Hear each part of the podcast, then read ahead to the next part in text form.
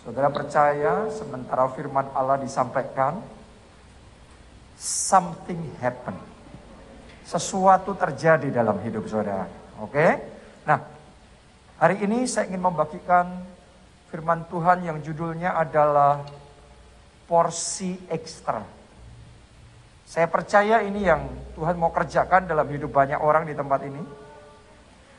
Ada karya Tuhan ekstra jadi apa yang Tuhan mau kerjakan ini bukan normal, bukan biasa-biasa.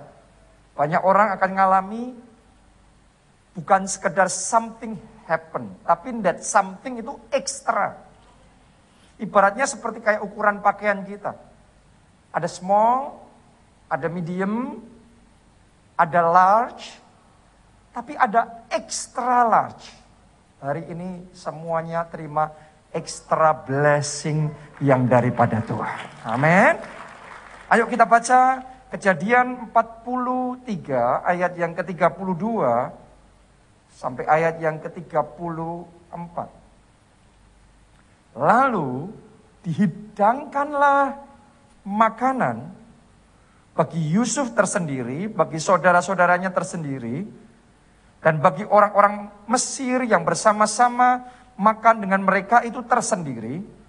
Sebab orang Mesir tidak boleh makan bersama-sama dengan orang Ibrani. Karena hal itu suatu kekejian bagi orang Mesir. Saudara-saudaranya itu duduk di depan Yusuf. Dari yang sulung sampai yang bungsu. Sehingga mereka berpandang-pandangan dengan heran. Nah Anda harus ngerti ini adalah Kisah ketika pada zaman itu dunia sedang dilanda kelaparan. Kelaparannya hebat sekali.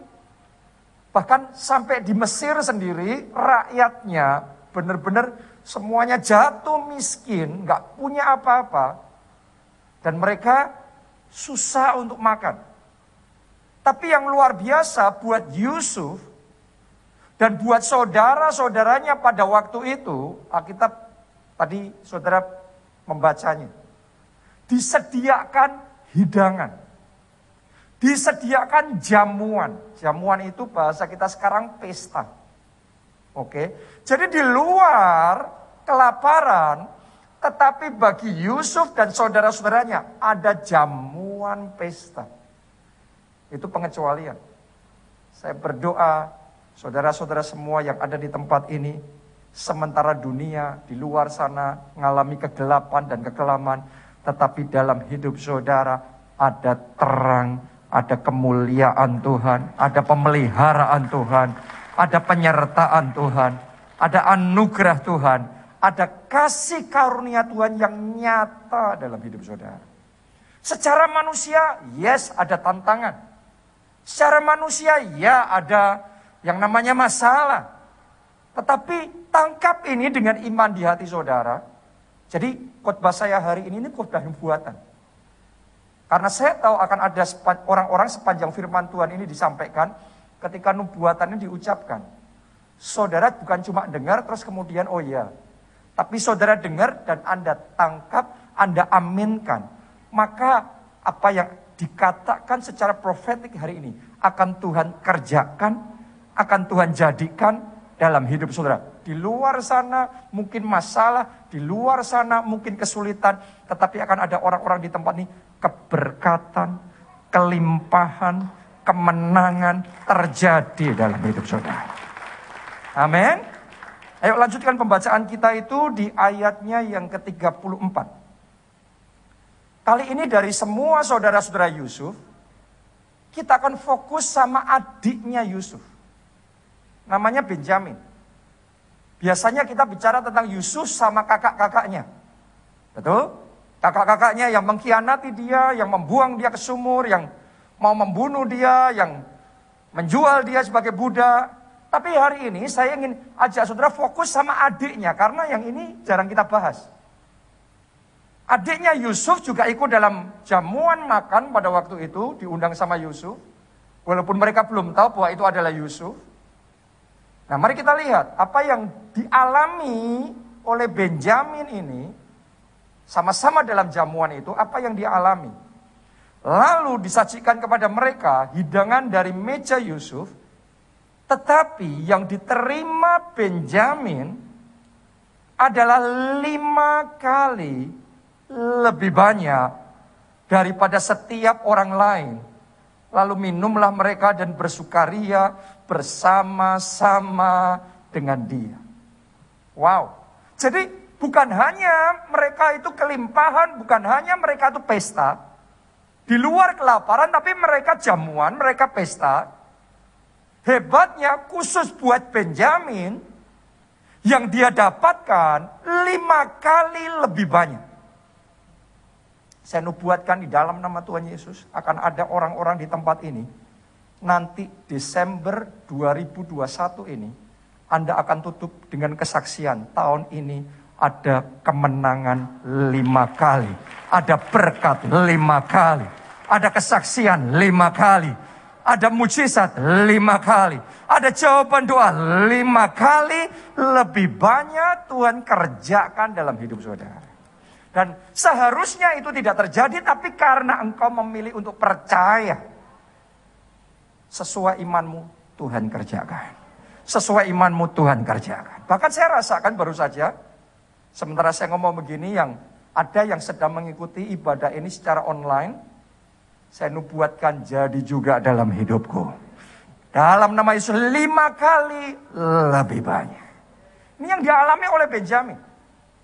Jadi Benjamin ini diberkati tapi beda. Yang lainnya saudara-saudara yang lainnya diberkati luar biasa tapi dia diberkatinya luar biasa lima kali lebih banyak. Bukan cuma secara kuantitas tapi juga secara kualitas. Mari kita baca 1 Samuel 9 ayat 21 sampai 24. Kali ini saya ajak saudara untuk melihat keturunannya Benjamin. Salah satu keturunan Benjamin yang terkenal namanya adalah Raja Saul. Ya, mari kita lihat. Tetapi jawab Saul, bukankah aku ini seorang suku Benjamin? Suku yang terkecil di Israel. Kenapa? Karena memang Benjamin ini yang paling kecil, bungsunya. Ya, jadi Yusuf terus kemudian Benjamin. Ya.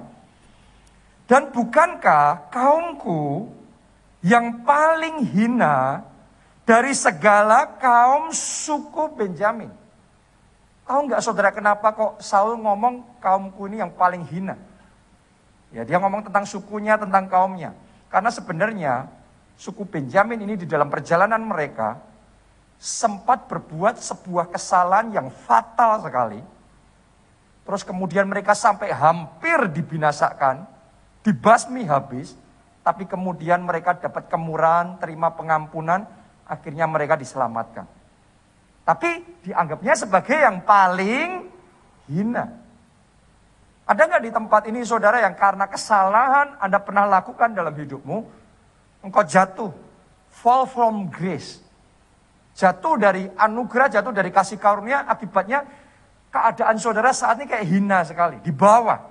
Tadinya Anda di atas, tapi sekarang saudara jatuh di bawah. Anda mengalami tantangan, Anda mengalami pergumulan dalam hidup saudara. Seperti yang dialami oleh suku Benjamin pada waktu itu. Buat saudara yang saat ini sedang mengalami tantangan dan pergumulan itu. Hari ini firman ini, janji Tuhan ini buat saudara. Amin. Ditulis begini. Mengapa Bapak berkata demikian kepadaku? Maksudnya Bapak ini adalah Nabi Samuel. Ayat 22, sesudah itu Samuel mengajak Saul dan bujangnya dibawanya ke pendopo dan diberikannya kepada mereka kepada mereka yang dari suku terkecil dan yang paling hina ini coba Anda beri, Anda renungkan dikasihnya bukan di tempat yang paling rendah, yang gak ada apa-apanya, tapi Salomo menempatkan mereka di tempat utama, di depan para undangan, yang banyaknya kira-kira 30 orang. Jadi Saul, jadi suku Benjamin yang harusnya paling kecil, yang harusnya paling rendah, paling hina, tapi sekarang ditaruh di tempat utama. Saya mau ngomong di dalam nama Tuhan Yesus. Ada orang-orang di tempat ini yang saat ini Anda dianggap hina, dipandang sebelah mata, mungkin sama keluargamu, mungkin dengan teman-teman saudara, engkau dianggap gak ada apa-apanya. Tapi karena engkau percaya dengan firman Tuhan yang disampaikan pada hari ini, tahun ini Tuhan akan mengangkat saudara, Tuhan akan taruh saudara di tempat utama. Tuhan akan buat saudara di tempat spesial, di posisi spesial. Jadi terpuji, terhormat, dan ternama. Jadi itu dalam nama Yesus. Nasib saudara akan dirubah, bukan nasib yang rendah, bukan nasib yang kecil, bukan nasib yang hina, tapi nasib yang mulia, penuh anugerah, dan penuh kemuliaan Tuhan. Tepuk tangannya pula yang paling meriah buat Tuhan kita. Ayat 23 dan 24. Berkatalah Samuel kepada juru masak, berikanlah sekarang bagian yang kuberikan kepadamu tadi, dengan pesan simpanlah ini dahulu. Lalu juru masak itu menghidangkan paha dan apa yang termasuk ke situ dan meletakkannya ke depan Saul. Dan Samuel berkata, lihat, yang tinggal ini diletakkan ke depanmu makanlah. Jadi dikasih hidangan. Makanlah sebab telah disimpan bagimu untuk perayaan ini. Ketika aku berkata, aku telah mengundang orang banyak. Demikianlah pada hari itu Saul makan bersama-sama dengan Samuel. Jadi ternyata sebelum jamuan itu Samuel sudah berpesan sama para pelayan yang ada di sana untuk menyimpan daging yang paling istimewa, yang terbaik. Dan kemudian pada momen yang tepat dia perintahkan sekarang hidangkan. Dan dihidangkannya kepada Saul. Waktu itu Saul masih belum jadi raja. Ini awal ketika dia mau diangkat sama Tuhan. Ya, jadi buat Saul sudah disimpan bagian yang terbaik. Dalam nama Yesus, berkat yang terbaik Tuhan berikan kepada saudara. Dalam nama Yesus tahun ini promosi yang terbaik, posisi yang terbaik, bonus yang terbaik, tanah yang terbaik, rumah yang terbaik, jodoh yang terbaik. Tuhan berikan dalam hidup saudara. Katakan amin, amin, amin. Tepuk tangannya pula yang paling meriah buat Tuhan kita. Yang terbaik Tuhan berikan kepada saudara. Jadi tangkap ini, karena Tuhan mau beri, Tuhan mau berikan sesuatu yang ekstra. Porsinya bukan porsi biasa. Porsinya ekstra. Dan saya percaya khususnya apalagi buat saudara yang sudah ambil doa puasa hari ini secara jadwal adalah hari puasa terakhir, 21 hari. Tapi beberapa orang sudah mulai ngomong sama saya, kayaknya nggak berhenti hari ini Pak, lanjut lagi ini. Ya, saya percaya Anda yang ekstra buat Tuhan, Anda juga akan terima blessing yang ekstra dari Tuhan. Mujizat yang ekstra, anugerah yang ekstra, favor yang ekstra daripada Tuhan untuk hidup saudara. Amin. Saudara mau ngalami something yang ekstra itu? Pertanyaannya gimana caranya kita bisa ngalami itu? Ada tiga saya mau bagikan. Nomor satu, jadilah kesayangannya Tuhan. Jadilah anak kesayangannya Tuhan. Umat kesayangannya Tuhan. Saya mesti ngomong begini sama saudara. Kalau seseorang disayang, pasti diistimewakan. Benar apa tidak? Jadi kuncinya diistimewakan seperti Benjamin. Benjamin diistimewakan. Kenapa? Karena dia disayang oleh Yusuf. Anda boleh baca dalam Alkitab, mereka itu bersaudara, yang lainnya bersaudara beda ibu ya. Tapi mereka ini sangat dekat dan Yusuf sangat sayang dengan Benjamin ini. Karena Yusuf sayang, coba Anda renungkan. Kalau orang itu sudah sayang, pasti ada perlakuan istimewa. Orang tua kalau sudah sayang sama anak, bahkan ngelakuin apa pun buat anak, rela. Benar apa tidak? Ya kalau Anda punya binatang peliharaan, kesayangan, Anda akan lakukan ekstra buat dia. Benar apa tidak? Ya, jadi disayang sama dengan diistimewakan. Tahukah saudara arti nama Benjamin artinya adalah anak kesayangan atau anak tangan kanan. Itu arti nama dari Benjamin. Karena itu di dalam hidupnya dia selalu menerima yang istimewa. Kalau Anda masih ingat kisah ketika awal kelaparan pada zaman itu melanda muka bumi, perjalanan pertama orang tuanya ngutus saudara-saudaranya ke Mesir untuk beli bahan makanan. Semua kakak-kakaknya Yusuf itu diutus pergi. Tapi Benjamin itu nggak boleh pergi, diprotek dengan istimewa. Jadi karena Benjamin disayang sama bapaknya, dia menikmati perlindungan ekstra. Saya mau ngomong sama saudara yang ada di tempat ini. Anda orang-orang yang disayang oleh Tuhan. Dalam hidupmu ada perlindungan Tuhan yang ekstra. Ada penjagaan Tuhan yang ekstra. Yang menjaga, melindungi, dan memelihara hidup saudara. Amin. Karena disayang. Orang kalau sudah disayang itu sudah hukumnya melampaui hukum normal. Normalnya sekian, tapi karena disayang, Benjamin dapatnya lima kali lebih banyak. Karena apa? Disayang. Ya bahkan tadi saya juga cerita sama saudara. Suku Benjamin ini sempat melakukan kesalahan yang fatal.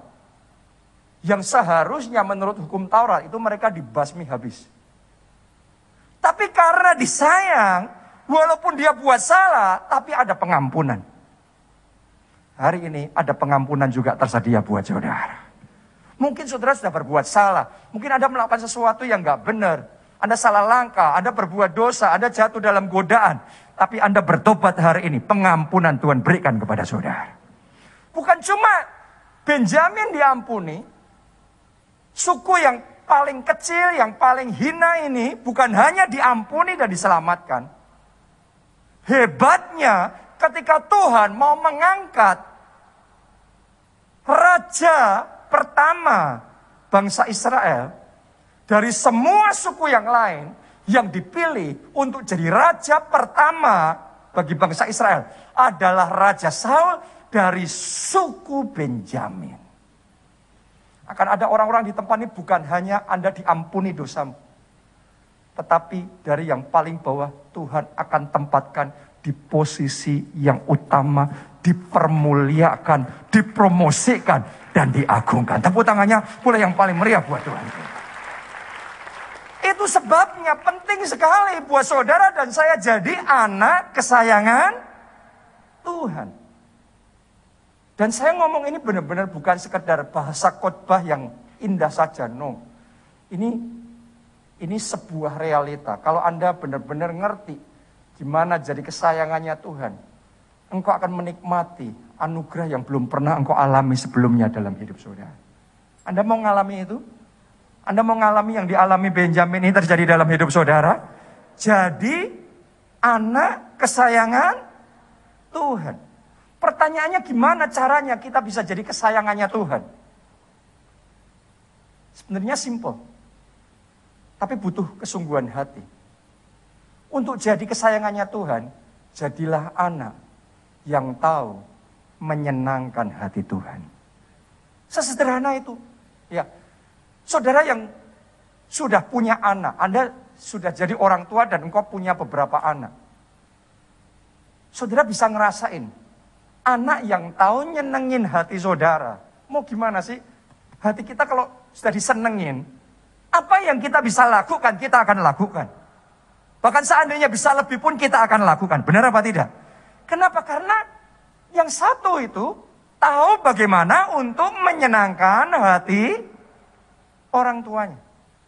Doa saya seperti itulah saudara. Jadi anak Tuhan yang tahu menyenangkan hati Tuhan. Tahu nggak saudara? Menyenangkan hati Tuhan sebenarnya sederhana. Tuhan itu suka dekat sama anak-anaknya. Ada anak yang dideketin susah banget. Tapi ada anak yang suka deket sama orang tuanya. Hanya dengan saudara suka deket sama Tuhan. Anda sudah menyenangkan hati Tuhan. Ada orang gak betah sama Tuhan. Gak betah deket sama Tuhan. Gak betah menyembah, memuji Tuhan. Gak betah berdoa. Gak betah beribadah. Hanya untuk beribadah saja kayaknya bergumul. Kayaknya susah banget. Untuk beribadah ke rumah Tuhan. Kayaknya tantangan pergumulan berat sekali. Hari ini saya ajak saudara. Jadilah anak yang tahu menyenangkan hati Tuhan. Anak yang ngerti ngambil hatinya Tuhan. Anda lihat Daud. Daud itu disebut a man after God's own heart. Orang yang hidupnya berkenan di hadapan Tuhan. Orang yang Tuhan itu kalau sama Daud yang kayak gini loh. Anak yang seperti ini yang aku cari. Kenapa? Karena Daud suka dekat-dekat dengan Tuhan. Makanya berbahagialah orang yang hatinya suka mendekat sama Tuhan. Saya berdoa hati yang suka mendekat dengan Tuhan itu diimpartasikan dalam hati saudara. Mulai hari ini saudara suka berlama-lama dalam hadirat Tuhan. Anda suka berlama-lama berdoa, berlama-lama memuji menyembah Tuhan, berlama-lama mendengar dan merenungkan firman Tuhan, berlama-lama menaikkan ucapan syukur kepada Tuhan. Kayaknya biasa, kayaknya sederhana. Tapi coba Anda bayangkan jadi orang tua. Yang satu anaknya susah banget dicari-cari nggak bisa. Tapi yang satu nempel terus deket terus. Gimana nggak sayang? Orang tua itu sudah sayang sama anaknya. Tapi kenaknya di hati kalau anaknya suka deket-deket sama orang tuanya. Tuhan sama. Hari ini saya berdoa lebih dari engkau suka ke mall lebih daripada engkau suka main ini, main itu, piknik dan lain sebagainya. Saudara suka dekat-dekat dengan Tuhan. Anda suka untuk menyenangkan hati Tuhan. Kalau Anda tahu bagaimana menyenangkan hati Tuhan, mulai hari ini Anda jadi anak kesayangan Tuhan. Yes, saya anak kesayangannya Tuhan. Bangga saya. Saya anak emasnya Tuhan. Saya berdoa bukan cuma saya, anda juga anak emasnya Tuhan. Saudara juga anak emasnya Tuhan. Anak kesayangannya Tuhan. Dan kalau saudara jadi anak kesayangannya Tuhan, bahkan lebih dari Benjamin. Benjamin karena disayang kakaknya, yaitu Yusuf. Dia dapat lima kali lebih banyak. Anda disayang Tuhan. Tuhan itu stoknya unlimited. Tidak terbatas. Jangankan lima kali. Tujuh kali ganda. Bahkan tidak terbatas Tuhan akan curahkan dalam hidup saudara. Katakan amin, amin, amin. Tepuk tangannya pula yang paling meriah buat Tuhan. Haleluya. Yang kedua. Yang kedua. Ingini dan minta sesuatu yang tepat di hati Tuhan. Jadi ini bicara tentang keinginan. Kita harus ngerti keinginan kita menentukan porsi yang kita dapatkan dari Tuhan. Maksudnya gimana? Saya ajak saudara untuk melihat perbedaannya antara Elisa dan Gehasi. Bagaimana keinginan mereka itu benar-benar membuat perbedaan yang besar nasib mereka. Elisa adalah muridnya siapa? Elia. Suatu saat, karena Elisa ini setia banget sama Elia, ke mana-mana diikutin terus, dan dilayani terus, nempel terus kayak tadi. Jadi murid kesayangan, benar apa tidak? Ya kayak tadi yang poin pertama, jadi anak kesayangan Anda sudah dekat terus sama Tuhan, Anda nyenengin hati Tuhan. Sampai di satu titik, Tuhan tanya, kamu maunya apa? Itu yang dialami Elisa. Karena dia sudah tahu bagaimana ngambil hatinya Elia sampai di satu titik. Elia tanya, kamu maunya apa? Dan kemudian Elisa menjawab, apa yang dia mau? Urapan double porsi. Urapan double porsi. Kepenuhan roh kudus double porsi. Itu yang diminta. Itu yang dikejar oleh Elisa. Dan itu kena di hatinya Elia. Dan saya percaya itu menyenangkan hati Tuhan juga. Yang diminta yang dikejar, M-nya Elisa itu cocok di hatinya Elia maupun Tuhan. Karena itu benar-benar yang dia minta itu dia dapatkan. Elisa terima urapan double porsi. Nah sekarang yang kedua. Elisa sudah jadi nabi besar, punya murid. Gantian ya posisinya. Namanya siapa tadi? Gehasi. Gehasi seharusnya dia punya kesempatan dapat double porsi dari Elisa. Cuma masalahnya keinginannya beda sama Elisa. Elisa ngejarnya urapan. Elisa ngejarnya kepenuhan roh kudus. Elisa ngejarnya perkenanan Tuhan. Elisa ngejarnya perkara-perkara rohani. Tapi Gehasi enggak. Yang dicari, yang dikejar Gehasi lain. Masih ingatkah saudara kisah tentang Panglima Negeri Aram? Namanya Naaman yang sakit kusta. Terus datang ke Elisa supaya disembuhkan. Terus di sungai Yordan disuruh mencelupkan dirinya tujuh kali, setelah itu dia terima kesembuhan, masih ingat kisah itu? Setelah disembuhkan, wah dia senang sekali, dia balik kepada Elisa, dia bawa berbagai macam pemberian, ya yang bagus-bagus, emas, perak, pakaian yang mahal-mahal, semua yang menarik itu mau dikasih ke Elisa. Tapi Elisa ngomong, no, tidak, kamu bawa pulang itu. Ya. Tapi yang menyedihkan setelah Naaman pulang dalam perjalanan itu. Si Gehasi ini berpikir, waduh tuanku ini Elisa terlalu rohani nih. Dikasih persembahan kok nggak diterima? Jadi dia mikir, sayang banget, bodoh banget ini namanya kurang berhikmat. Jadi dia nyari cara sendiri, dia punya akal sendiri, dia ngejar Naaman, dan dengan omongannya sendiri yang dibuat-buat ya, intinya gimana caranya dia dapat emas itu, perak itu, semua pakaian yang mahal-mahal. Jadi gini, kalau Elisa ngejarnya urapan double porsi, kepenuhan roh kudus, perkenanan Tuhan, perkara-perkara roh. Tetapi Gehasi et Enikos yang dikejar hanyalah perkara jasmani. Gara-gara Gehasi ngejarnya salah, keinginannya salah, keinginannya beda ya, kualitasnya beda. Maka dia dapat itu emas perak dan dikasih sama Naaman, tapi kustanya Naaman pindah ke Gehasi. Gehasi kehilangan urapan double porsi. Harusnya dia double porsinya Elisa, berarti dia empat kali gandanya Elia. Tapi sekarang dia nggak dapat empat kali gandanya, dia kena kustanya Naaman dan masa depannya diperkecil. Saya sudah melihat berulang-ulang, orang kalau dalam hidupnya keinginannya salah. Ngejarnya dosa. Ngejarnya hanya sekedar yang kelihatan dulu. Pokok yang penting uang, uang, uang. Saya ngelihat orang kalau ngejarnya cuma uang, uang. Itu menghalalkan segala cara. Seringkali kayak gitu. Ketika sudah sampai di satu titik, akhirnya ngorbanin imannya, ngorbanin percayanya sama Yesus, ngorbanin ibadahnya, ngorbanin pelayanannya. Pokok yang dicari, yang dikejar hanya materi. Saya mau ngomong sama saudara, yang kayak gitu dapat pun hidupnya akan pahit. Sama seperti Gehasi. Itu sebabnya hati-hati dengan keinginan hatimu. Minta sama Tuhan, Tuhan kuduskan keinginan hatiku. Minta sama Tuhan, Tuhan luruskan hatiku. Supaya keinginan hatiku menyenangkan hati Tuhan. Supaya apa yang aku minta itu berkenan di hadapan Tuhan. Mulai hari ini saya berdoa di dalam nama Yesus. Darah Yesus menguduskan hati kita.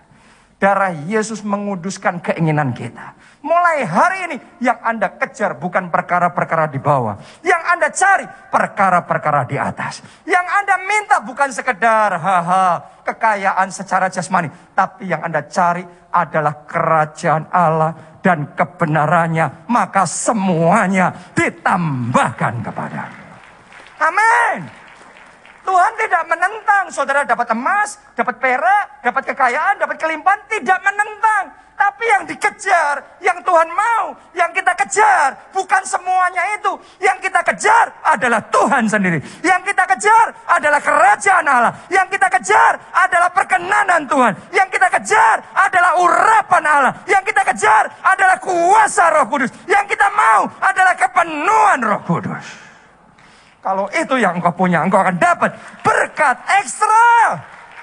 Semuanya ditambahkan kepadamu. Amin. Jadi ngomong sama Tuhan, Tuhan murnikan hatiku. Murnikan hatiku. Haleluya. Yang ketiga, yang terakhir. Pahami maksud hati Tuhan. Jadi kalau saudara mau terima berkat yang ekstra dari Tuhan, Anda harus memahami maksud hati Tuhan memberkati itu apa. Cocok nggak kita sama hatinya Tuhan? Ngena nggak di hatinya Tuhan? Coba anda renungkan. Elisa minta urapan double porsi. Untuk apa? Supaya dia bisa melayani umat Tuhan. Supaya dia bisa membawa umat Tuhan mengalami apa? Pertobatan. Supaya dia bisa jadi berkat dengan urapan itu. Dia bisa mendemonstrasikan kuasa Allah. Sehingga orang yang tidak percaya jadi percaya. Kemudian bertobat. Kemudian diselamatkan. Supaya dia bisa menggenapi rencana Tuhan di dalam hidupnya. Jadi yang dia minta, Elisa minta urapan double porsi itu. Bukan untuk dirinya sendiri. Dia minta urapan double porsi itu untuk menggenapi rencana Tuhan supaya dia bisa jadi berkat, supaya dia bisa bersaksi, supaya dia bisa melayani karena cocok di hatinya Tuhan. Gimana kalau kita minta sesuatu yang cocok di hatinya Tuhan, Tuhan nolak? Gak mungkin. Kalau anak saudara datang sama saudara minta sesuatu nggak cocok di hatimu, engkau bisa nolak. Benar apa tidak? Tapi kalau saudara didatengin anak saudara, dia minta sesuatu yang Anda kepengen dia kayak gitu, Mana mungkin kita nolak? Buat orang tua, kalau anaknya mau gitu aja kita sudah senang sekali. Benar apa tidak? Kenapa? Cocok dengan hati kita, dengan tujuan kita. Tuhan juga sama. Ada orang-orang yang doanya nggak di nggak pernah ditolak sama Tuhan karena doanya selalu cocok di hatinya Tuhan. Tidak semua doa itu cocok di hati Tuhan. Tidak semua orang minta bahkan urapan double porsi, kuasa. Itu selalu cocok di hati Tuhan. Mungkin Anda heran, kan poin yang kedua tadi katanya suruh minta perkara-perkara rohani. Benar apa tidak? Tapi kok sekarang saya ngomong tidak semua orang minta perkara rohani, minta urapan, minta kuasa Allah itu selalu cocok di hati Tuhan. Kenapa? Anda baca deh nanti di rumah. Kisah tentang Simon si penyihir yang lihat Paulus ngelakuin mujizat-mujizat yang luar biasa. Dia terkesima. Terus kemudian dia ngomong, aku juga mau dong, aku mau tuh dipenuhi roh kudus kayak gitu. Aku mau tuh kuasa kayak gitu. Aku mau kalau aku tumpang tangan sembuh. Jadi dia yang dia kejar juga urapan. Yang dia kejar kepenuhan roh kudus. Tapi masalahnya motivasinya supaya keren. Supaya itu bisa dipakai untuk cari duit. Anda baca di Alkitab, benar. Jadi Simon melihat itu sebagai kesempatan cari duit. Saudaraku bukannya dia dapat yang dia minta. Tapi dia dihardik dengan keras. Dia ditegur dengan keras. Kenapa? Motivasinya salah. Hari ini saya ajak saudara. Karena saya tuh benar-benar ngerasain. Ada orang-orang di tempat ini Tuhan tuh mau bawa saudara naik level. Tapi itu hanya bisa terjadi kalau engkau memurnikan hatimu. Hal ini bukan cuma saya ngomong buat saudara, tapi Tuhan juga ngomong buat saya. Saya tahu dalam hidup saya, saya kalaupun Tuhan mau bawa naik level, tapi saya belum memurnikan hati saya, Tuhan nunggu. Saya berdoa mulai hari ini, masa penantian Tuhan itu selesai. Karena Anda mau meresponi firman Tuhan. Anda memurnikan motivasi hati saudara. Yang Anda minta bukan untuk diri saudara sendiri, tapi yang Anda minta untuk jadi berkat, untuk menggenapi rencana Tuhan, supaya saudara bisa bersaksi, supaya melalui hidupmu orang-orang bisa percaya kepada Yesus, bertobat, dan mereka diselamatkan. Amin. Haleluya. Dari awal tadi saya bagikan pesan-pesan profetik. Diberkati semuanya amin. Lima kali lebih banyak semuanya amin. Pertanyaannya untuk siapa? Kalau cuma kita habiskan untuk diri kita sendiri. Coba saudara tanya sama Tuhan, cocok nggak sama hati Tuhan? Supaya kita keren, pokoknya lebih kaya dari semua yang lain. Buat apa Tuhan? Poinnya Tuhan apa? Saya berdoa hari ini saudara bisa nangkep isi hati Tuhan. Kalau saudara mau diberkati Tuhan, ngomong sama Tuhan. Tuhan aku mau jadi berkat lebih banyak. Jangan hanya Tuhan aku mau diberkati lima kali ganda. Mulai hari ini saudara ngomong sama Tuhan, pakai aku jadi berkat lima kali ganda. Wow, jangankan lima kali ganda. Tujuh kali ganda, seratus kali ganda. Tuhan mau. Kalau itu cocok di hati Tuhan. Kalau itu masuk sesuai dengan tujuan Tuhan. Tuhan itu unlimited, tidak terbatas. Buat kita segitu tuh besar, tapi buat Tuhan tuh kecil. Jadi seberapapun Anda minta, buat Tuhan tuh no problem. Tapi cocok nggak dengan hati Tuhan? Cocok nggak dengan agendanya Tuhan?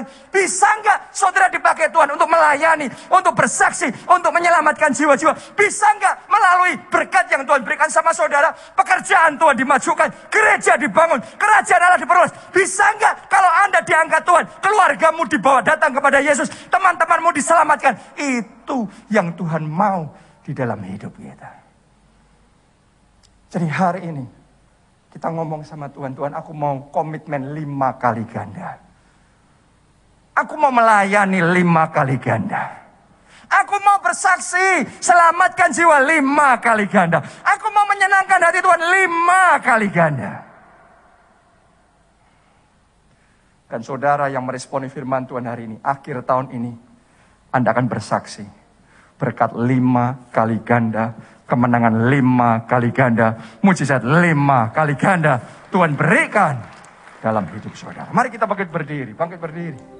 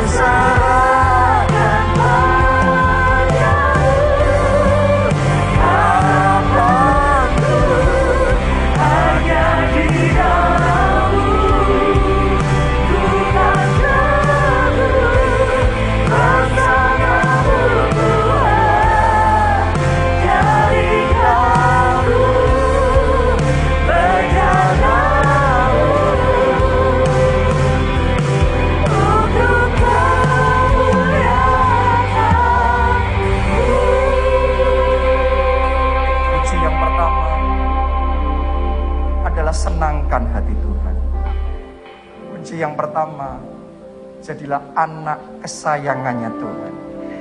Suka dekat-dekat dengan Tuhan. Dan semuanya itu dimulai dari langkah pertama.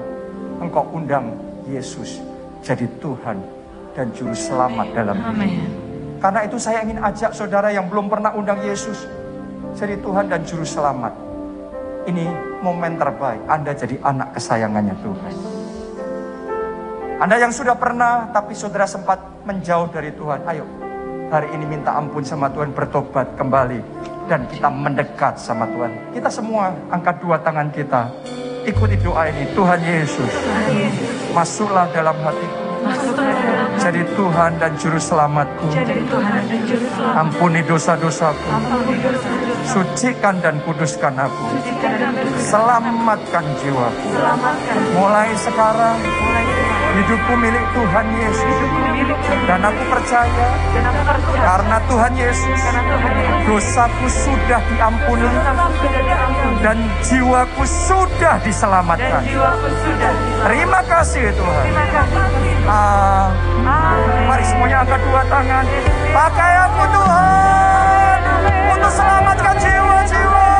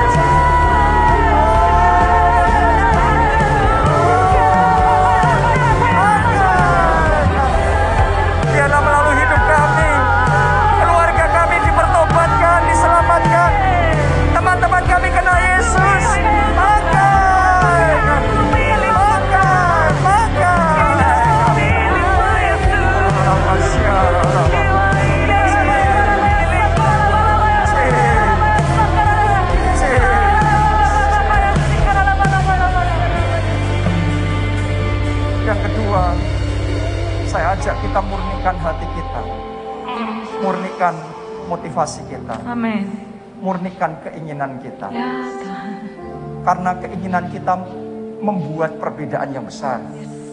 Keinginan Elisa beda dengan keinginan Gehasi. Dan dua orang itu yang sama-sama prospeknya besar, tapi akhir hidupnya berbeda. Karena yang dikejarnya berbeda. Hari ini saya ajak saudara lebih dari semuanya. Kejar perkenanan Tuhan. Amin. Kejar urapan Tuhan. Amin. Kejar kepenuhan roh kudus. Amin. Kejar itu dalam hidupmu. Bahkan saya ajak saudara. Mari kita align ourselves with God. With God's purpose. Mari kita arahkan hidup kita selaras. Sesuai dengan tujuan Tuhan. Tuhan pasti mau berkati kita. Tapi pertanyaannya, cocok nggak dengan tujuannya Tuhan? Apakah saudara bisa dipakai jadi alatnya Tuhan untuk menggenapi rencana Allah di muka bumi? Coba sudah lihat Salomo kenapa dia diberkati Tuhan. Karena dia tahu bagaimana jadi anak kesayangannya Tuhan. Menyenangkan hati Tuhan. Sampai Tuhan tuh ngomong, Salomo sekarang kamu minta. Apa pun kamu minta, ku beri kepadamu. Hebatnya Salomo nggak minta nyawa musuhnya, dia nggak minta untuk balas dendam. Jangan doa untuk balas dendam, saudaraku. Buang itu dari doamu. No, no, no, no. Salomo tidak minta kekayaan, umur panjang dan macam-macam. Dia nggak minta itu dulu. Dia punya keinginan semuanya, tapi bukan itu yang dikejar. Yang dia minta, Tuhan berikan aku hikmat supaya aku bisa mengembalakan umatmu yang besar. Supaya aku bisa menjalankan tugas yang Tuhan percayakan kepadaku. Dan Tuhan suka dengan permintaannya Salomo. Karena itu Tuhan ngomong, hikmat aku berikan kepadamu. Yang tidak kamu minta pun, kekayaan, umur panjang, kelimpahan, kejayaan. Ku berikan juga kepadamu. Semuanya ditambahkan Tuhan sama Salomo. Kenapa? Karena permintaannya Salomo itu kena di hatinya Tuhan. Tepat cocok di hatinya Tuhan. Saya berdoa yang Anda kejar dalam hidupmu cocok di hatinya Tuhan. Kena di hatinya Tuhan. Oh saudaraku mari saat ini angkat dua tangan saudara yang mau Anda katakan Tuhan Yesus. Tuhan Yesus. Semuanya mari kita katakan ya Roh Kudus. Ya Roh Kudus. Murnikan hatiku. Murnikan hatiku. Seperti emas. Seperti emas. Aku mau belajar. Aku mau belajar. Menyenangkan hati Tuhan. Menyenangkan hati Tuhan. Mengutamakan Tuhan. Mengutamakan Tuhan. Kerajaan Allah. Kerajaan Dan Allah. kebenarannya. Dan kebenaran. Pakai aku Tuhan. Mari semuanya berdoa. Saudara berdoa. Murnikan Tuhan. Murnikan. Bahkan rubah doa-doa kami Tuhan. Rubah.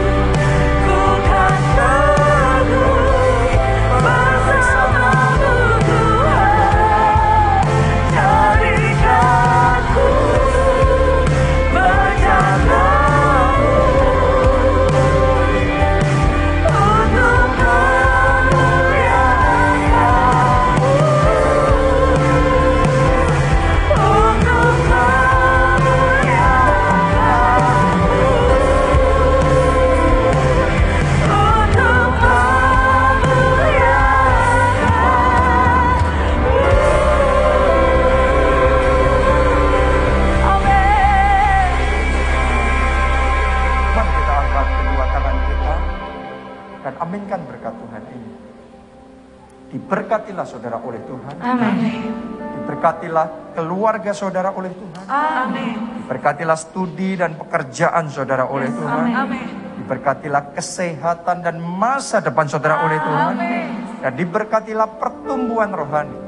Serta pelayanan saudara oleh Tuhan. Dalam anugerah Allah Bapa, cinta kasih Yesus Kristus, persekutuan dengan roh kudus sekarang, sampai selama-lamanya. Mari bersama kita katakan, Amin.